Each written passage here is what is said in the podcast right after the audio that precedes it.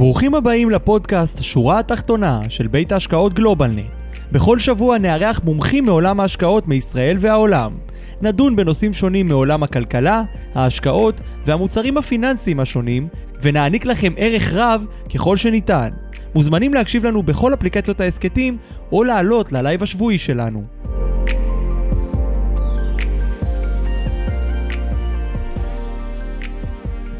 שלום לכולם וברוכים הבאים לשורה התחתונה, פרק אה, 126. אה, 126 פרקים, ובעצם הפתיחה של העונה השלישית. ברוכים הבאים לפרק אה, מיוחד. אני רואה לא מעט צופים פה איתנו היום, כיף גדול שנכנסתם, כל מי שאיתנו בלייב.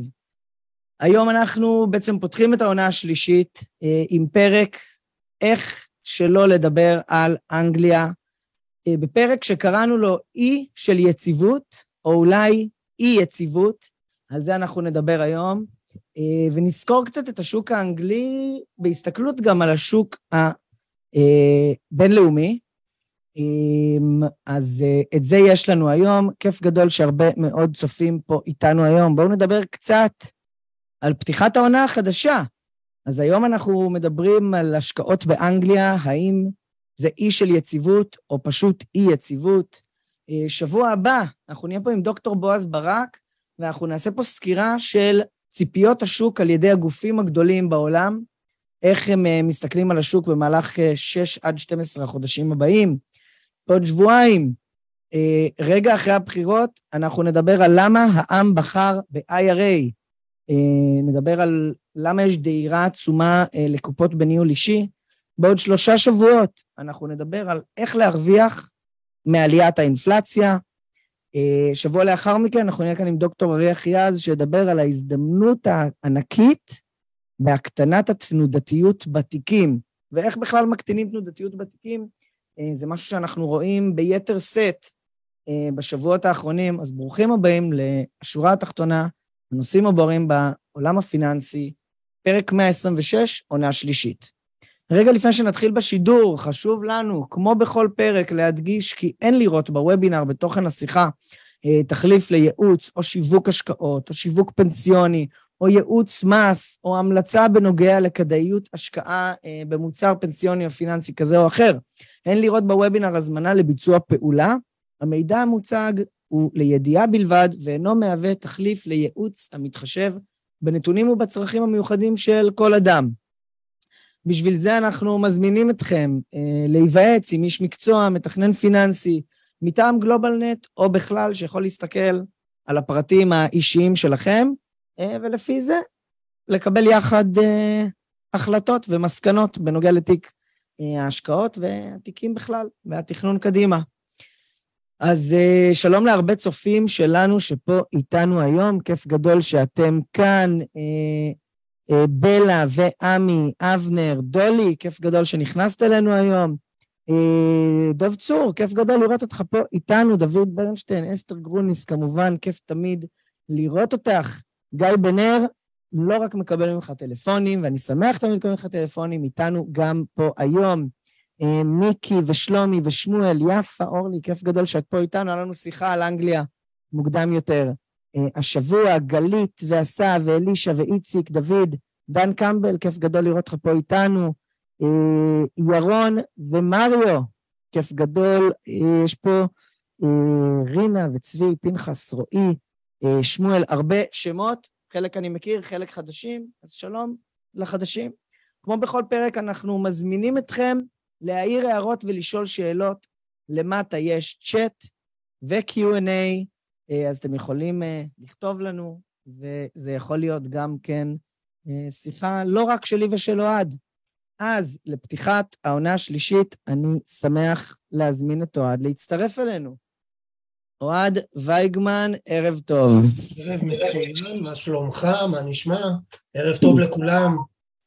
בסדר גמור, פותחים עונה שלישית. כיף לחזור, כיף לחזור, הרבה זמן ככה לקחנו הפסקה. נכון, נכון, אני מקווה שכולם נהנו עם החגים.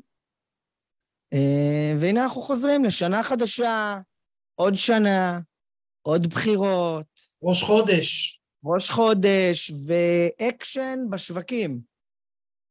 אקשן. תמיד זה, זה לא חסר לנו. כן, חד משמעית. אז אה, טוב, כולם יודעים שגלובלנט אה, אה, מוטה אנגליה. מה זה מוטה אנגליה? יש לנו גם חברה באנגליה, והרבה מהלקוחות שלנו מושקעים בהשקעות בשוק הבריטי, ולפרק הזה קראנו אי של יציבות או אי יציבות? כן, מעניין. אנחנו נרצה ככה להעמיד את הסימן שאלה הזה עד הסוף, ולנסות להבין בסופו של יום מה המצב של אה, אה, אנגליה ביחס אה, למדינות מערביות, דמוקרטיות אחרות בעולם, כי כשאנחנו מדברים על השקעות, אנחנו תמיד תמיד מדרגים את, ה, את רמת הסיכון שבה אנחנו משקיעים בהתאם למצב הכלכלי באותו רגע נתון באזור שבו אנחנו משקיעים, וזה תמיד ביחס למקומות אחרים. כלומר, אני תמיד, תמיד מנסה אה, לשים את האצבע על אותן הזדמנויות, על אותם מקומות שבהם אני רוצה אה, להיות, ביחס לאלטרנטיבות אה, האחרות, ואין ספק שבריטניה הייתה בכותרות בצורה ככה מאוד בולטת, מאוד משמעותית. אתה גם ציינת שיש לנו הרבה מאוד פעילויות אה, באי הזה, ודני שלנו שם, ויש לנו גם חברות שם, וקרנות, ופעילות מאוד מאוד רחבה במקום הזה, וגם אנחנו מדי יום מדברים עם אה, הרבה מאוד שותפים אה, לדרך אה, מאנגליה. כל אחד כמובן יש לו מה להגיד, זה, זה מדהים, זה מאוד דומה לישראל, אתה יודע, מאוד מאוד מעורבים פוליטית במה שקורה, ו... אם ככה תלך ברחוב ותשאל את הישראלי הממוצע איך הוא מרגיש ביחס לפלונטר הפוליטי שבו ישראל כבר נמצאת מספר שנים, אז, אז אתה יודע, קודם כל תלוי מי שואל, אם זה יהיה תושב חוץ, זה בין אה, סוג של בושה כזאת, של אה, חוסר נעימות, לא בושה, סליחה, חוסר נעימות, שכזה לבין uh, כאלה שכבר איבדו את התקווה. אז כמובן, אני לא איבדתי את התקווה, זו מדינתנו, פה אנחנו נמצאים, אבל ההקשר uh, הפוליטי, גם פה בישראל, אם נשים לב, אנחנו רואים שהכלכלה בישראל מאוד מאוד uh, יציבה ביחס לכלכלות אחרות בעולם. שוב, הכל ביחס, כי גם פה אנחנו כבר מתחילים לראות uh, ניצנים של uh, הפגיעה בעקבות העלאת הריבית ואינפלציה שהיא גבוהה באופן יחסי למה שהתרגלנו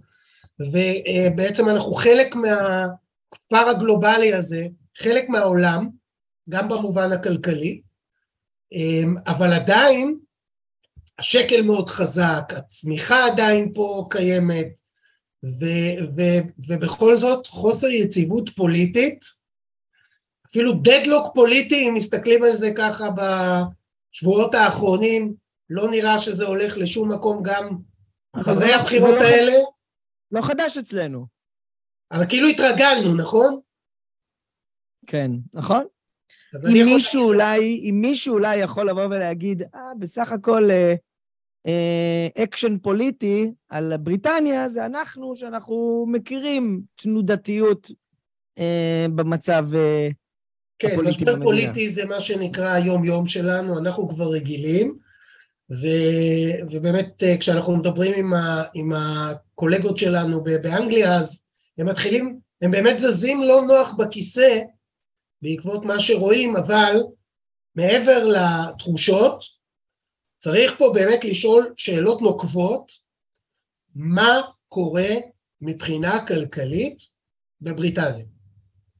כי לגבי המשבר הפוליטי, אנחנו כל יום כמעט קוראים כתבה על מה קורה בבריטניה, אולי זה מתאסף כבר ליותר כתבות אה, ממה שיש אצלנו, אבל המטרה של הוובינר היום היא לנסות קצת להוריד את האבק ולבדוק באופן אמיתי מה ברמה הכלכלית אה, אה, קורה בבריטניה ביחס למדינות אה, מערביות אחרות. וחשוב מאוד uh, לזכור, כי בסופו של יום אנחנו נמצאים בתחילתו, אמצעו, סופו, אני, אי אפשר לדעת באמת, אבל אנחנו חוסר יציבות כלכלי שחווה כל העולם, ראינו את המדדים בכל העולם, יורדים בצורה מאוד מאוד מאוד חדה, גם מדדי המניות, גם מדדי האג"ח, נגיע קצת לנתונים בהמשך, נראה באופן מאוד, מאוד ספציפי איפה באמת אנחנו עומדים מתחילת השנה, אז ברור שהעולם עובר טלטלה כלכלית משמעותית.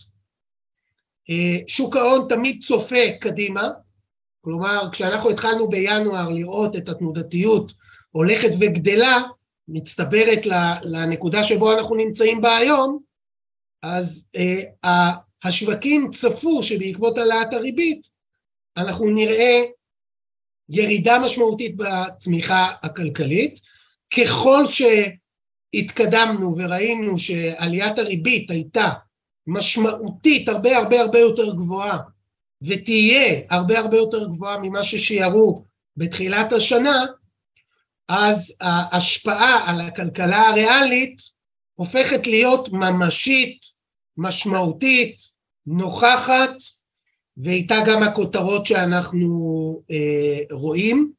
חשוב מאוד גם להבדיל בין כותרת לנתונים עצמם. הרבה מאוד פעמים, אני אתן גם דוגמאות, קוראים כותרת בעיתון כלכלי, שהיא נראית מאוד מאוד מאוד מפוצצת ומאיימת, אולי אפילו, וכשנכנסים וקוראים וככה רוצים להעמיק בנתונים, ולא כל אחד יש לו את הסבלנות בים הכתבות ללכת ולהעמיק, פתאום רואים שהנתונים הם לא כל כך uh, מפחידים, בטח לא כמו הכותרת. אז נראה גם, uh, נראה גם דוגמאות uh, בהקשר הזה. דבר אחד צריך לשים, אין צל של ספק, משבר פוליטי אמיתי, אה, בריטניה חווה כבר אה, תקופה.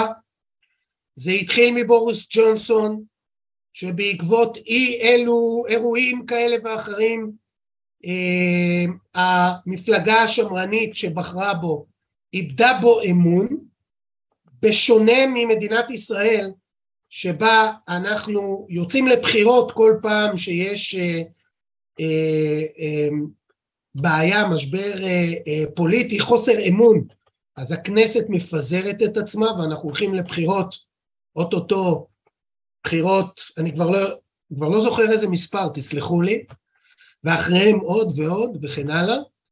באנגליה זה שונה, המפלגה השמרנית אם ובמידה, או המפלגת השלטון שזכתה, אם ובמידה המפלגה מאבדת אמון ב, אה, אה, בראש הממשלה, היא יכולה להדיח אותו, להחליף אותו, איך שלא תקראו לזה, וברוב המקרים אה, בבריטניה הלחץ שמופעל מביא מהלך של ראש הממשלה במקרה הזה להתפטר. ראינו את בוריס ג'ונסון, ראינו עכשיו את אה, ראשת הממשלה אה, מתפטרת, נדבר עליה כמובן אה, הרבה, כך שלמרות חוסר היציבות, גם הכלכ... הפוליטיקה מראה פה בגרות מאוד מאוד משמעותית, כשמנהיג בסוף מבין שאיבד את האמון, הוא קם והולך. אין פה כמעט כאלה. לפחות לא, לא אצלנו. אז אה, חוסר האמון הותיר את בורנס ג'ונסון ככזה שמתקשה מאוד לתפקד פוליטית, הוא החליט uh, להתפטר, ומאז uh, המפלגה השמרנית בחרה הנהגה חדשה, ההנהגה החדשה נבחרה בטיקט מאוד משמעותי, קל, טיקט כלכלי מאוד משמעותי. כלומר, ראשת הממשלה נבחרה כי היא אה, הבטיחה רפורמות משמעותיות שיגרמו לצמיחה ולעודד צמיחה בבריטניה, זו הסיבה שהיא נבחרה, וכשהיא ניסתה ליישם את המדיניות, בסך הכל את המדיניות שלשמה היא נבחרה, הדרך שהיא וכמובן שר האוצר בחרו אה, ליישם את אותה מדיניות שהם אמרו פשוט שהם הולכים ליישם, יצרה פער משמעותי בין הפעולות שהבנק המרכזי עושה אה, בעקבות אה, האינפלציה, ונדבר על זה הרבה, לבין המטרות של הדרג הפוליטי. הדרג הפוליטי הנבחר תמיד רוצה ללכת לטובת הציבור, לעזור לציבור. עכשיו, אם רואים אה, אופציה להיכנס למיתון, משבר כלכלי אמיתי, אז האני מאמין הבסיסי של כל פוליטיקאי זה לנסות לעזור אה, לציבור כדי להיבחר. זה ה-DNA הפוליטי, לפחות לפוליטיקאים שרוצים לשרוד לאורך זמן, אה, כבר הרבה מאוד עשרות שנים, כבר פחות עושים את הדבר הנכון, אלא הדבר שהציבור רוצה. עכשיו, אנחנו בעצם אה, בבריטניה ראינו מעבר מאוד מאוד מאוד מאוד חד, אם היינו מסתכלים בתחילת 2022, אז כל התחזיות, וזה גם אומר הרבה על תחזיות, אה, ציינו את בריטניה כאחת מהמדינות שביציאה מהקורונה אה, יהיו בעלה, בעלות הצמיחה הגבוהה ביותר מהמדינות המערביות, צפו אה, צמיחה של לפחות חמישה אחוזים ב-2022.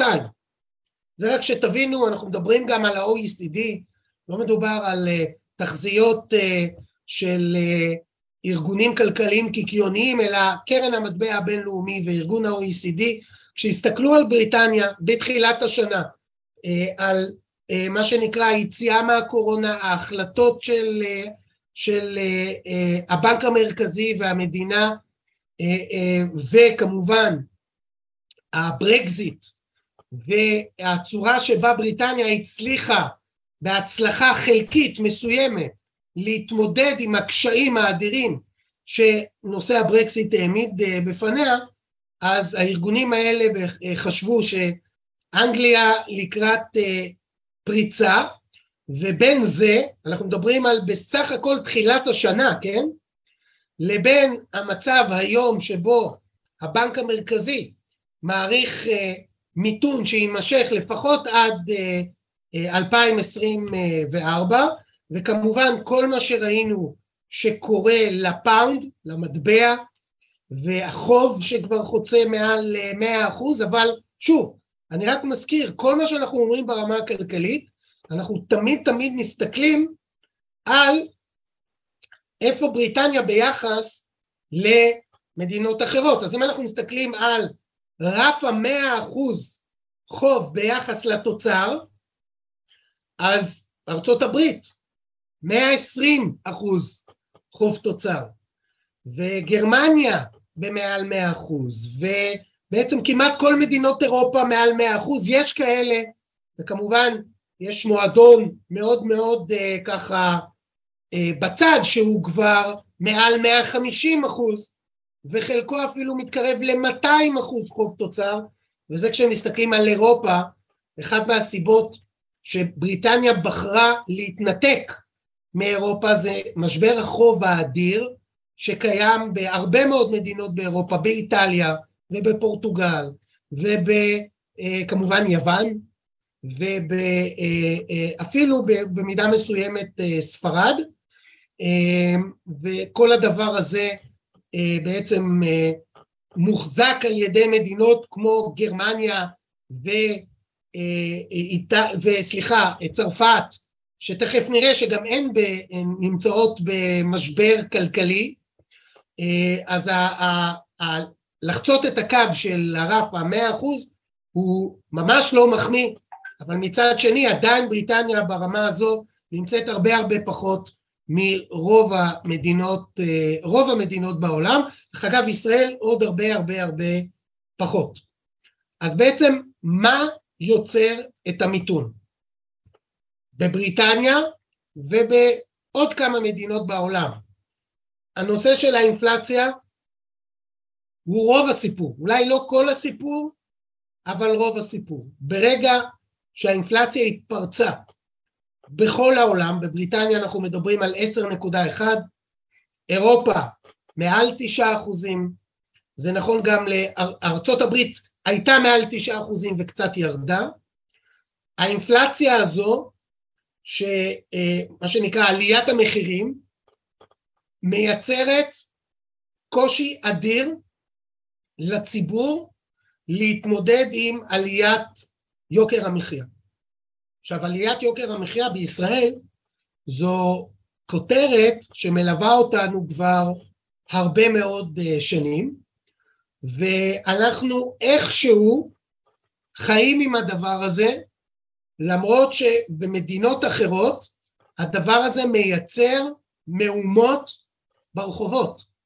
והנה אפרופו מה שאמרנו ארה"ב עומדת אה, נכון להיום 8.2 אחרי שכבר צפו שהיא תרד מתחת אה, לשמונה אחוזים והיא נשארת אה, מאוד מאוד גבוהה, אני רק מזכיר, לפני מספר חודשים בודדים, כשדיברו על ציפיות האינפלציה בארצות הברית, ציינו החזאים שעד סוף השנה תחזור האינפלציה לשיעורים נורמליים, שלושה, שלושה אחוזים, אולי ארבעה אחוזים וכן הלאה, ואנחנו רואים כמה הדבר הזה עדיין רחוק בעולם, וזה נכון לאירופה, זה נכון לארצות הברית, זה נכון לאנגליה, זה נכון גם לישראל, למרות שאנחנו כבר ירדנו ל-4.4 אחוז, עדיין זה גבוה ביחס למדיניות או יעדים שקבע הבנק המרכזי. כל הבנקים המרכזיים בעולם, היעד המרכזי שבו הם צריכים לטפל זה נושא האינפלציה. הדבר העיקרי שמטריד את הבנקים המרכזיים זה הנושא הזה, והם יעשו הכל, כולל הכל, כדי לטפל בשד האינפלציוני שדי ברח להם בשנה האחרונה, כי הם מבינים טוב מאוד שהדבר הזה יכול לרסק דמוקרטיות. חלק ממה שאנחנו רואים עכשיו בחוסר היציבות הפוליטית באנגליה נובע מהאינפלציה ותכף נרחיב בנושא הזה. עכשיו אני רק מזכיר, דיברנו על זה, מדברים על זה הרבה, למה האינפלציה באמת התפרצה ואיבדה כל רסן? אז הכוחות העיקריים הם כוחות שמשותפים לכל העולם. אנחנו מדברים על עלייה בסוגי סחורות שונים, גם בעקבות הקורונה, אה, ולמרות שכבר ראינו איזושהי ירידה מסוימת, אז ראינו עוד פעם אה, אה, עלייה בחזרה, ואנחנו מדברים גם על מתכות, ואנחנו מדברים גם על מזון, אנחנו, מה שנקרא חיטה, ואנחנו מדברים על אנרגיה, אני רק מזכיר לכם, הנפט היה כבר מעל 130 עד לפני מספר חודשים, וזה היה עוד לפני המלחמה שפרצה באוקראינה, אז הקורונה גם יצרה המון בעיות בשרשרת האספקה. אה, זה גרם להרבה מאוד מדינות להבין, מדינות שהיו תלויות בתוצרת של, אה, ביבוא, אה, להרבה מאוד מהמוצרים הבסיסיים ש, של האוכלוסייה צריכה כדי להתקיים, זה באמת יצר הבנה של הממשלות שחייבים חייבים להשקיע הרבה מאוד בתוצרת המקומית. כאמור, המלחמה באוקראינה, באוקראינה לקחה את זה באמת לקצה, כי הסנקציות גם על רוסיה, רוסיה היא אחת מה, מהיצואניות הגדולות ביותר בעולם של מתכות גז. אה, כל הסנקציות על רוסיה גם יצרו סנקציות הדדיות, כלומר מצד אחד מדינות אירופה, כמו אנגליה גם, אנגליה, גרמניה, צרפת ואחרים, שהטילו סנקציות, ארצות הברית כמובן, שהטילו סנקציות קשות מאוד על רוסיה, אז רוסיה כפעולת תגמול הורידה בצורה מאוד משמעותית את ייצוא הגז למדינות האלה ויצרו משבר גז אמיתי, גלובלי, משמעותי, וזה אחת מהסיבות שהאינפלציה נשארת מאוד מאוד מאוד מאוד גבוהה. עכשיו תוסיפו לזה את הדפסת הכסף המטורפת שהייתה במהלך הקורונה, אני אזכיר לכם, כדי להזרים כספים אדירים לציבור וכדי להימנע ממשבר נזילות שהיה במרץ 2020, היה משבר נזילות אמיתי, משמעותי, שגם גרם לירידות של 15 ו-20 אחוז במספר שבועות, אותו משבר נזילות, הבנקים המרכזיים התחילו להדפיס כסף ולרכוש ניירות ערך, בעיקר אגרות חוב ממשלתיות. וכשמדפיסים כסף, מגדילים את היצע הכסף. כשמגדילים את היצע הכסף, בעצם נותנים לציבור הרבה מאוד כסף שלא היה קיים לפני, בעצם באים ואומרים לו, לך תבזבז. וכשאומרים לך תבזבז, זה מייצר ביקושים מאוד מאוד מאוד משמעותיים וגבוהים. אז תצרפו ביציאה מהקורונה עלייה מאוד משמעותית בביקושים, גם התחושה של כולם שרוצים לחזור לנורמל, הרבה מאוד כסף שהמדינות נתנו כדי לעודד את, ה, את הצמיחה, אז זה בצד הביקוש, תצרפו את זה לחוסר מאוד משמעותי במוצרי צריכה בסיסיים, ופה אתם מקבלים פה לחץ לעליות מחירים שמתבטא באינפלציה כפי שראיתם אה, שוב ושוב בכל הכותרות גם, גם זה עתה. עכשיו אני מפריד בין אותה אינפלציה גלובלית שמשותפת לכולם לבין מה שנקרא צריכה פנימית, אנחנו קוראים לזה אינפלציה core inflation, שנובעת מביקושים, כי עליית ריבית יכולה להשפיע רק על אותה אינפלציה בסיסית פנימית, ה-core inflation, ולא על אינפלציה גלובלית. Uh, כמו שאמרתי, המדינות הדפיסו, כשאני אומר הדפיסו אז בארצות הברית הדפיסו מעל ארבעה טריליון דולר. ארבעה טריליון דולר לצורך צריכה מופרזת של אשראי ובכלל צריכה. ואחרי שכל צריכה מוגזמת של כל דבר, מים, אם אני אשתה יותר מדי מים, מה יקרה לי? מה יקרה בגוף שלי? כאב ראש, בחילות, יותר מדי מים. אז כמו שזה נכון לגוף האדם, זה גם נכון ברמה הכלכלית, וזה מייצר את האפטר שוק שאנחנו חווים עכשיו, וזה הנושא של האינפלציה. אה, יותר מזה, מצד אחד יש לנו עליית ריבית מאוד מאוד משמעותית, שמטרתה להילחם באינפלציה, מצד שני, עליית ריבית, כפי שציינתי, יכולה לטפל אך ורק באותה אינפלציה של ביקושים ולא באינפלציה של סחורות או מזון שנכון, או, או אנרגיה, שזו אינפלציה שמשותפת לכל העולם, אז מצד אחד אנחנו רואים את האינפלציה לא יורדת, הריבית עולה, וזה מה שנקרא מתכון מאוד מאוד מסוכן שאנחנו קוראים לו דיפלציה. כלומר אינפלציה מאוד מאוד גבוהה, ובעקבות עליית הריבית מיתון, או ירידה מאוד, או האטה, ירידה מאוד משמעותית. עכשיו, ידוע שאינפלציה גבוהה לאורך זמן מהווה סכנה ליציבות פוליטית בכל העולם. אז אנחנו ראינו בכל אירופה הפגנות במחאה על יוקר המחיה שהולכות ומתגברות והופכות להיות מאוד מאוד מאוד אה, מסוכנות. מכאן הבנקים המרכזיים הבינו שהם חייבים להפעיל אה, צעדים מצמצמים, שזה עליית ריבית ומכירה של אגרות חוב שהם קנו בעבר, זה מדיניות מצמצמת, שניהם, מה שנקרא שני הדברים ביחד, ומה שאמרנו לגבי חוסר יציבות פוליטית בא לידי ביטוי באנגליה בצורה ש... אנחנו רואים בשבועות האחרונים. אז לגבי הנושא של עליות ריבית, אנחנו רואים בראש ובראשונה את ארצות הברית, 3.25, כבר מדברים על 0.75 נוספים בפגישה הבאה, שני לנובמבר, ממש אוטוטו. אה, בנק ישראל 2.75, גם מהמדינות הגבוהות בעולם. אנגליה 2.25, צריך להגיד, באנגליה הבנק המרכזי היה הראשון מהראשונים בעולם, לפחות הראשון מהמדינות המערביות, שהתחיל להעלות ריבית. מי שמכיר, מה שנקרא חובבי הז'אנר, יכול פה להסתכל על שווייץ. שווייץ לאורך עשרות שנים, בריבית מאוד מאוד מאוד מאוד מאוד נמוכה, שלילית.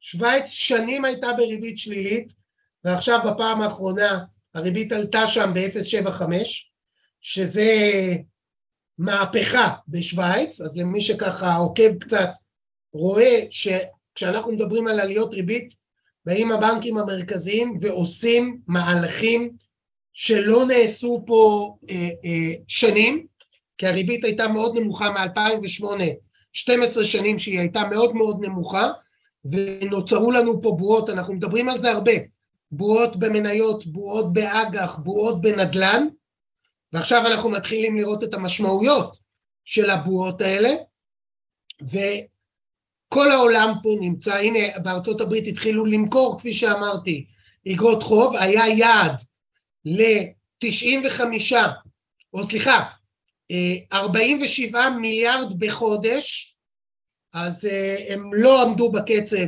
הם בסך הכל בשלושה חודשים הגיעו ל-63 במקום ל-130, ועדיין הדבר הזה יצר, דרך אגב, זה קרה ביולי. אתם זוכרים מה קרה למדדים בארצות הברית ביולי? את הקריסה של המדדים בארצות הברית ביולי? היו אמורים למכור 130 מיליארד, מכרו רק 60 מיליארד, והשוק uh, מתרסק. אז uh, אין מה לעשות, אינפלציית הליבה היא מאוד מאוד גבוהה בכל העולם, ואני כבר חודשים אומר שהריבית צריכה לעלות לבין 4.5 ל-5.5, בעוד שכל החזאים מדברים על 3, 3.5, עכשיו מתחילים להגיע לאזור 4 מבחינת החזאים, אני בהחלט חושב שהריבית תעלה בצורה מאוד מאוד uh, משמעותית. הנה, רוביני, קטונתי, אז הנה, uh, כלכלנים גדולים מאוד בעולם חושבים בצורה uh, דומה. בהחלט, כל עליית ריבית משמעותית, אני לא מדבר על עליות קטנות, שקרו לאורך זמן, יצרו משבר כלכלי משמעותי. לעולם בהיסטוריה לא היה אחרת, ולכן גם צפוי הפעם, ואנחנו רואים את זה. בצריכה, בארצות הברית אנחנו כבר במיתון, אז כל המודלים מראים שהמיתון הזה יימשך אה, במהלך כל 2023, אולי אפילו תחילת 2024, כלומר לא מיתון קצר של זבנג וגמרנו, וכבר הסתברויות שהיו בעבר, בעבר זה לפני שלושה ארבעה חודשים, שדיברו על 30, 40, 50 אחוז הסתברות למיתון, גם פה אמרנו חבר'ה 100, אמרנו בצורה ברורה, פה, פה, בוובינרים, 100 אחוז, אז הנה, לאט לאט uh, החזאים גם מגיעים uh, אלינו, ופה בהחלט uh, הדבר הזה הוא מאוד מאוד מהותי, כי סטגפלציה, זה אומר מיתון יחד עם אינפלציה מאוד מאוד מאוד גבוהה, שוב הנה רוביני, זה מאוד מאוד מאוד אה, מסוכן, וזה ברמה הכלכלית בכל, בכל העולם. תוסיפו לזה חוסר יציבות פוליטית, אז תקבלו את מה שאנחנו רואים באנגליה בשבועות האחרונים. אבל נשאלת השאלה, הנה דרך אגב קצת נתונים גם על, על גרמניה. גרמניה נמצאת כבר במיתון, דרך אגב, המדדים בגרמניה אפילו פחות טובים מבריטניה בהקשר הזה של המיתון, המדדים בארצות הברית פחות טובים בהקשר הזה של האטה בצריכה, בצמיחה אה, מבריטניה, אבל האם באמת בריטניה מיוחדת, או האם הכותרות שאנחנו רואים על סערה פיננסית בבריטניה אה, אה, שונה ממדינות אחרות אה, בעולם? אז בואו בוא נתעמת קצת.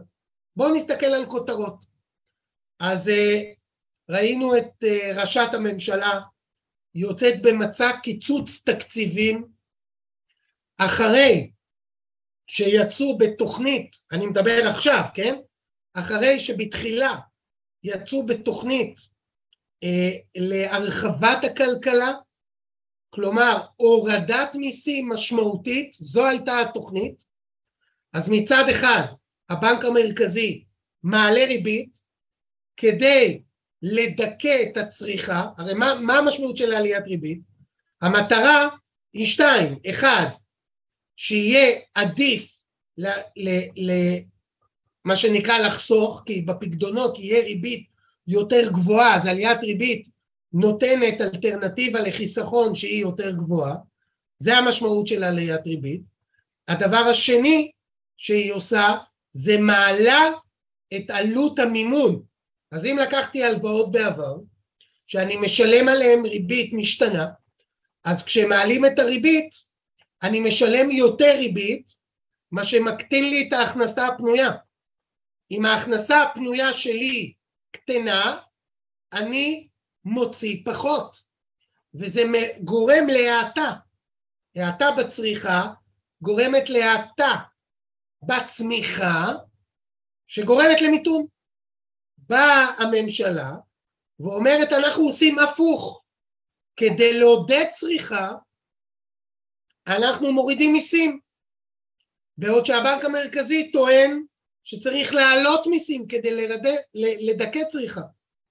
פער בין בנק מרכזי, מדיניות של בנק מרכזי, לבין מדיניות של ממשלה, אולי לפני שנה, שנה וחצי, היה מקובל, אם אתם זוכרים, בעקבות הקורונה הממשלות זרקו כספים אדירים, בעצם אה, הגדילו את החוב בצורה משמעותית ונתנו לציבור הרבה מאוד כסף, דווקא בנקים מרכזיים אה, היו בעד פחות חוב, ולמרות זאת אפשר היה לעשות את הדבר הזה.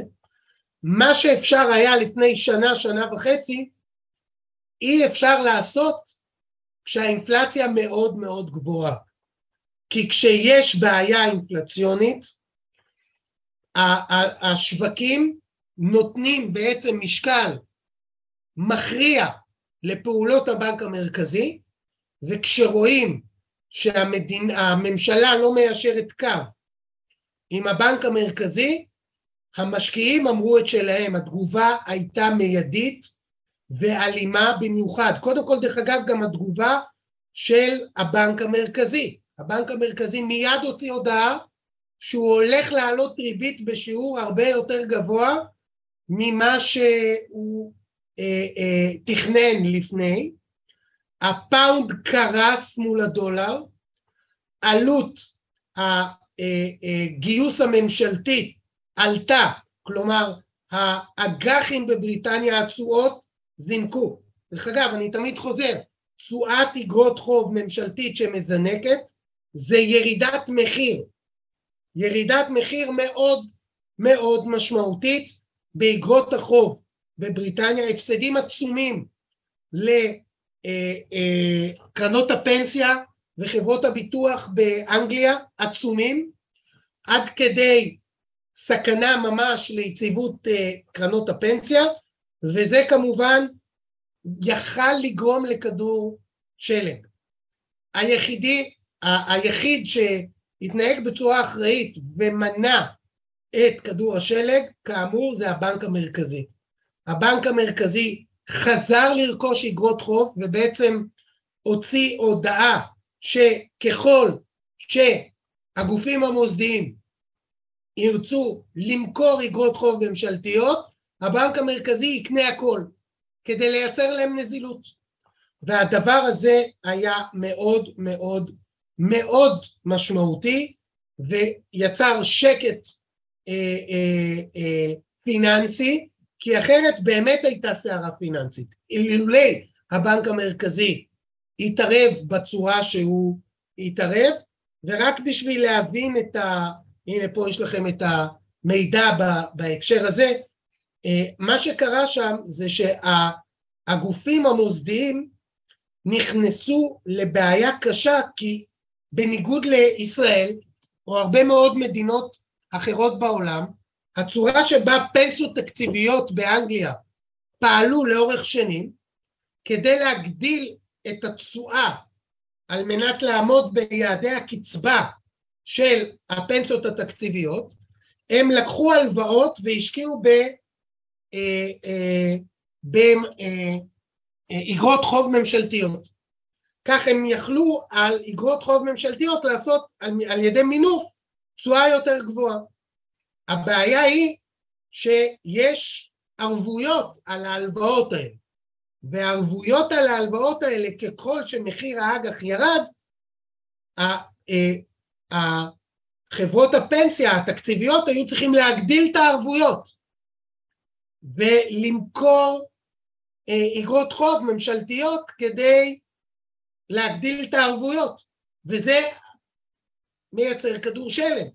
אז פה הבנק המרכזי, כדי למנוע את כדור השלג הזה, התערב, וראינו את התשואות יורדות בצורה מאוד מאוד משמעותית בעקבות ההתערבות הזאת, אבל רק כשפרס פיטרה את שר האוצר שלה, אחרי כמה ימים, ושר האוצר החדש מאוד מאוד מהר אה, בעצם אה, ביטל את כל, כמעט את כל תוכנית העידוד של הצריכה. אה, ברגע שזה קרה, המשקיעים בהחלט חזרו, הפאונד עלה בצורה מאוד מאוד משמעותית, המשקיעים חזרו ובעצם אה, העלו את מחיר אגרות החוב, ובהחלט נמנע משבר פיננסי אמיתי. אה, כמובן שזה גם יצר התפטרות של ראשת הממשלה, של טראס, אה, אולי בניגוד למה שהיה קורה בישראל, אני לא יודע, פה היו קצת אה, מחזיקים בקרנות המזבח. דרך אגב, עדיין פה בישראל, חלק מהשחקנים הפוליטיים, אם תסתכלו על ההצהרות שלהם במהלך השבועות האחרונים, מדברים על פעולות שנוגדות את המדיניות של הבנק המרכזי בישראל. עכשיו, לשמחתי יש הבדל גדול בין הבטחות הבחירות לבין הביצוע בשטח, כך שכל אותם, אה, אה, אני לא יודע מי יזכה, אני גם לא מציין מי אמר מה וכן הלאה, אבל, אבל אה, אני די רגוע שלא יבצעו את אה, מה שבבריטניה אמרו גם לפני הבחירות, אבל שם ביצעו. אז זה מה שנקרא ניצחון לשפיות הכלכלית, בעצם המשקיעים ניצחו את הממשלה ולזה יש הרבה מאוד אה, מסקנות.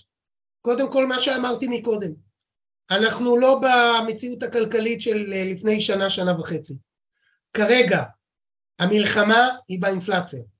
כל דבר או כל ממשלה בעולם, זה לא רק אנגליה, שתנסה אה, אה, לעשות הפוך ממלחמה באינפלציה, אה, כנראה תחטוף בצורה, הכלכלה תחטוף בצורה משמעותית והדבר הזה לא יעבור, המשקיעים לא ייתנו לממשלה לעשות מה שהיא רוצה וזה בהחלט לקח מאוד מאוד מאוד חזק.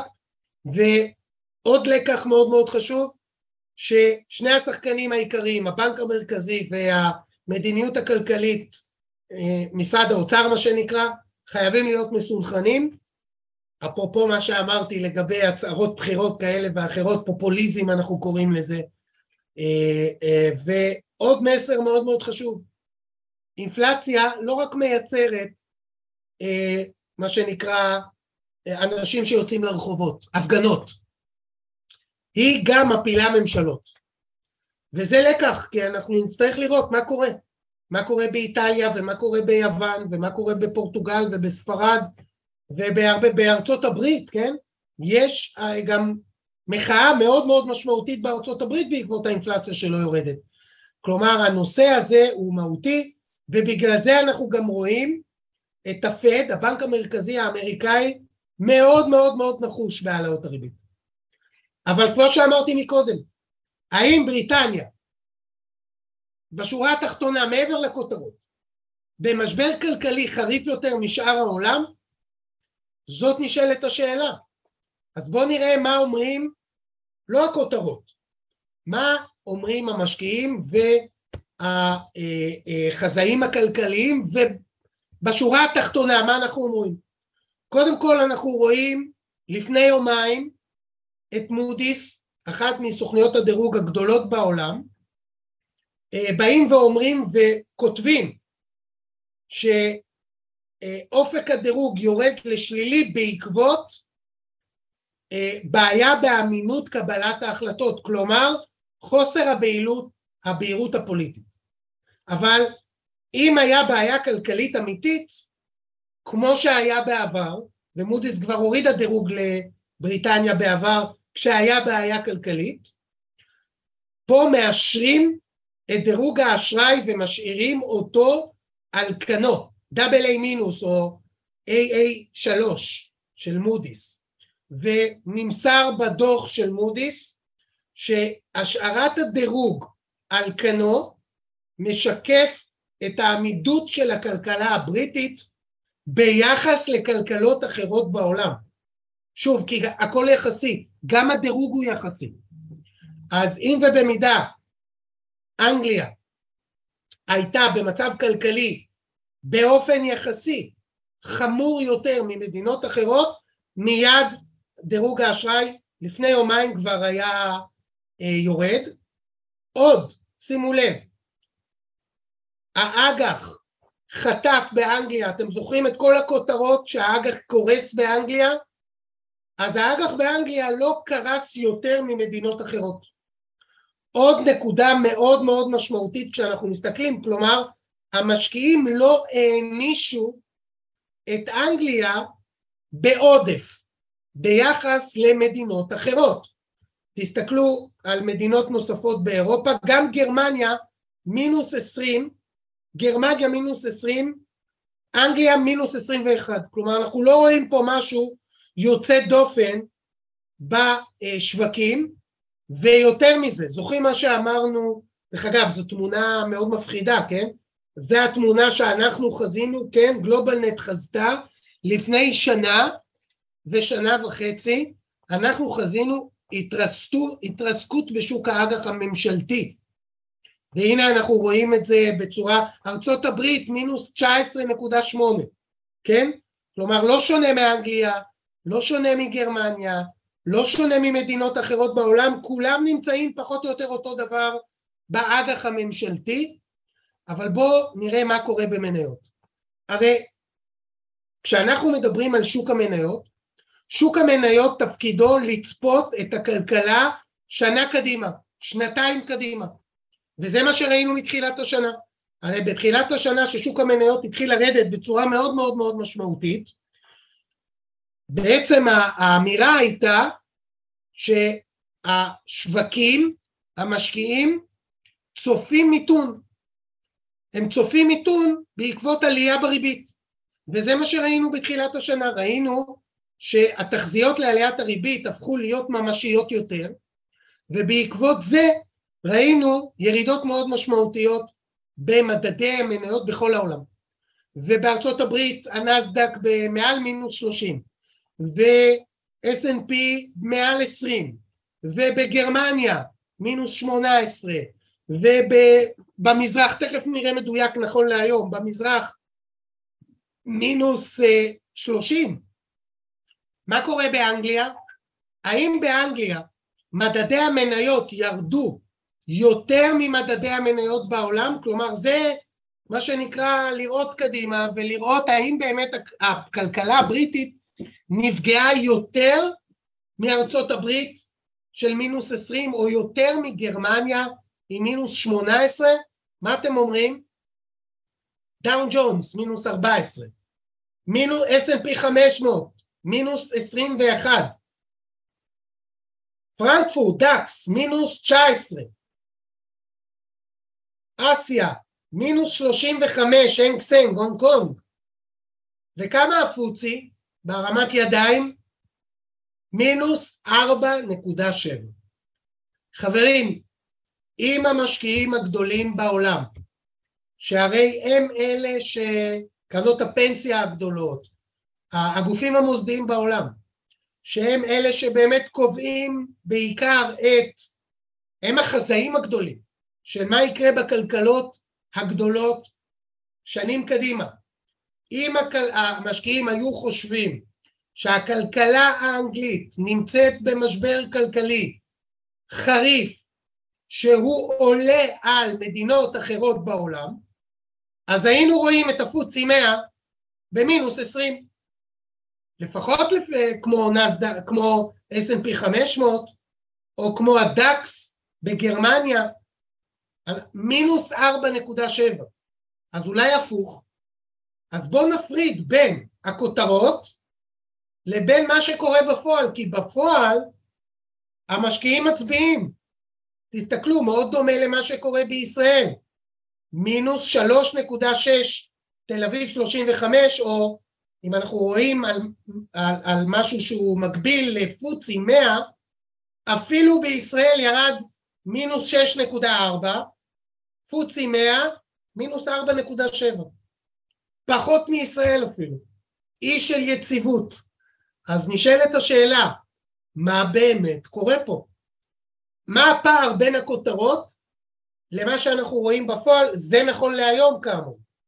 אז נכון שמבחינת האג"ח, הירידות באג"ח הממשלתי בבריטניה כמו כל העולם, אבל לפחות ברמה של מניות, ותחשבו על זה, השווקים בבירור לא חושבים לפחות שבריטניה במשבר גלגלי כמו שהכותרות הגדולות אה, מראות וכשאנחנו מסתכלים גם על עולם הנדל"ן כי כל תיק ואנחנו אומרים את זה כבר הרבה מאוד שנים כל תיק חייב להיות במניות, באג"ח אבל גם בהשקעות אלטרנטיביות. נדל"ן מכל סוג זה השקעה אלטרנטיבית. גם אם קניתי דירות לבד גם אם השקעתי בקרן נדל"ן לא משנה, זה נדל"ן. אז גם פה אנחנו רואים כותרות, נכון? מחירי הבתים צונחים מארצות הברית ועד אוסטרליה. בועת נדל"ן בישראל. הכריחי, הכרישים כבר מריחים דם. זה כותרות.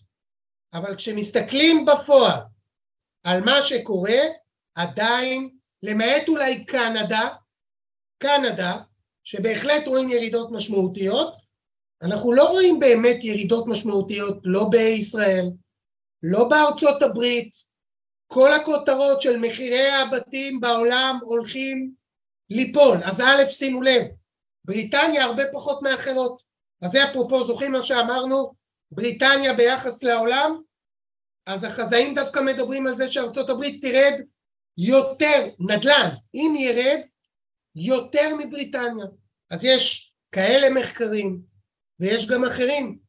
עכשיו, אני רוצה דוגמה, ועם זה אנחנו נסיים.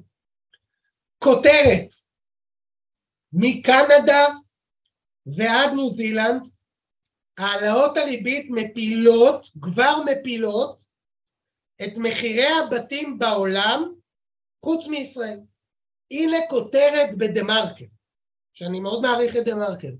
תיכנסו לכתבה ותסתכלו על מחקרים של Oxford Economics שמצוטטים בכתבה הספציפית הזו, זה לא כתבה אחרת, זה הכתבה הספציפית הזו, שמדברים על כך שמחירי הבתים בעולם כרגע קורסים, כרגע קורסים, בואו תראו, מציגים מחקר שמראה בדיוק הפוך, שב-2023, נכון, קנדה ואוסטרליה וניו זילנד צפויה, מחירי הבתים צפויים לרדת, אבל אותו מחקר מעכשיו, מחקר עדכני, מדבר על כך שבבריטניה ובצרפת ובארצות הברית ובגרמניה גם ב-2023, שנה הבאה, יהיו עליות במחירי הבתים בעולם.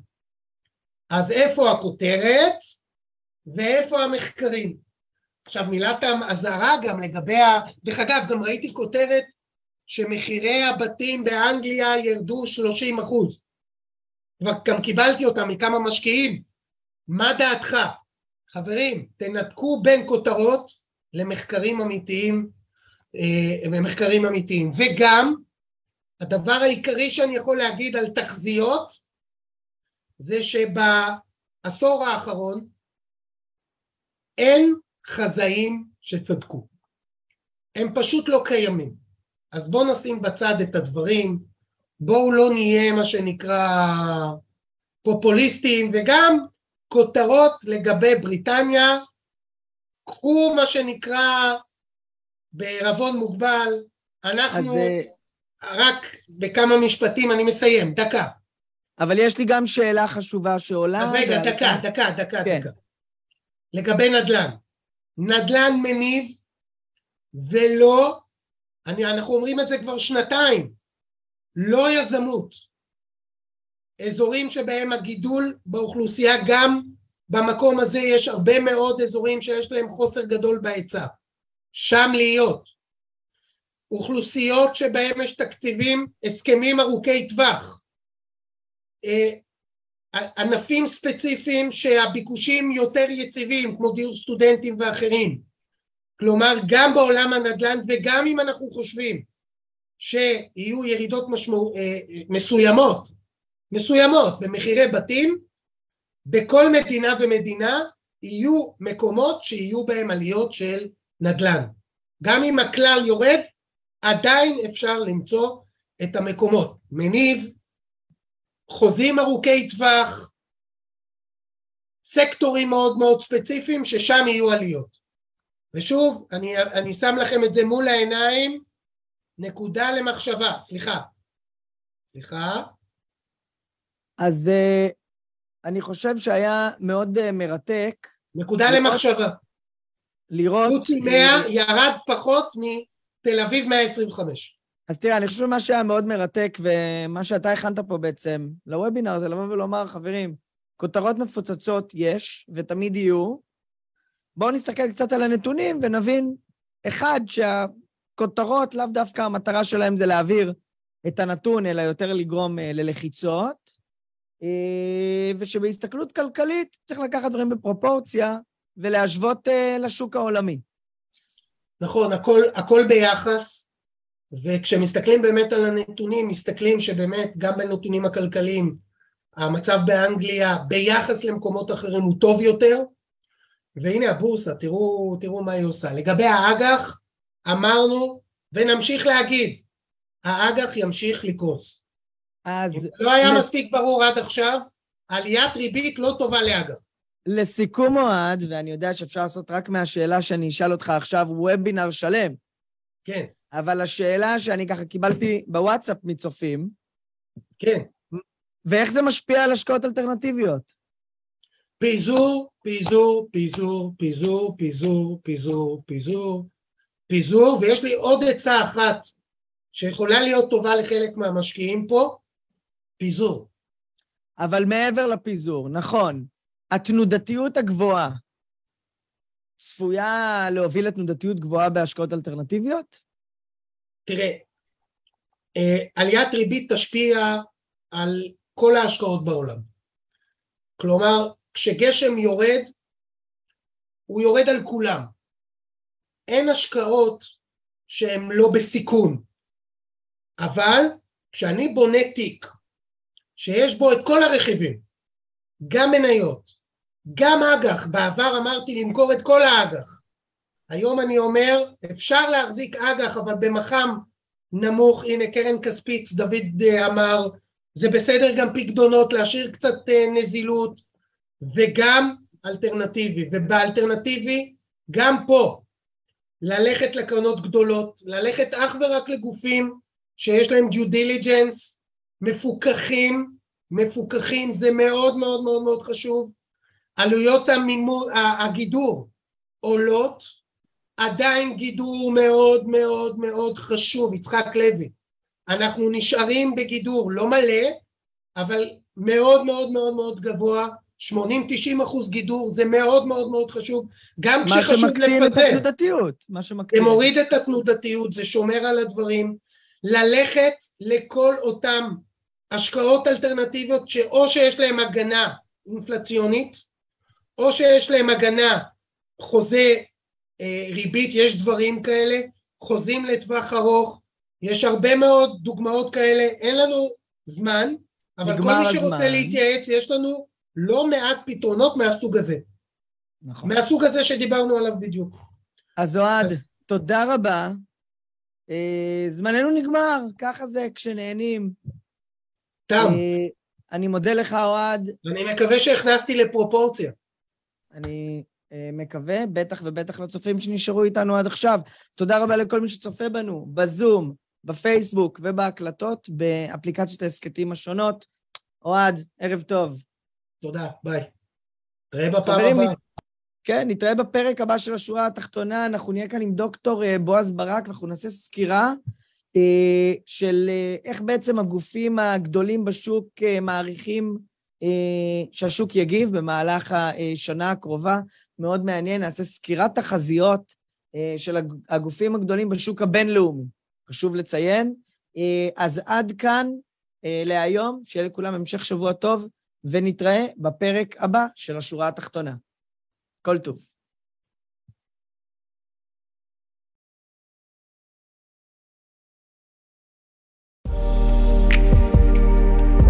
כאן מגיע לסיומו עוד פרק מלא ערך של הפודקאסט השורה התחתונה מאת בית ההשקעות גלובלנט. תודה רבה שהייתם איתנו והאזנתם לפרק. אתם מוזמנים לבקר אותנו באתר האינטרנט שלנו globalnetil.com, לעקוב אחרינו בעמוד הפייסבוק שלנו GlobalNet Investment House וללחוץ לייק כדי לעקוב אחרינו. כל הפרקים של השורה התחתונה זמינים בערוץ היוטיוב של גלובלנט. להתראות בפעם הבאה.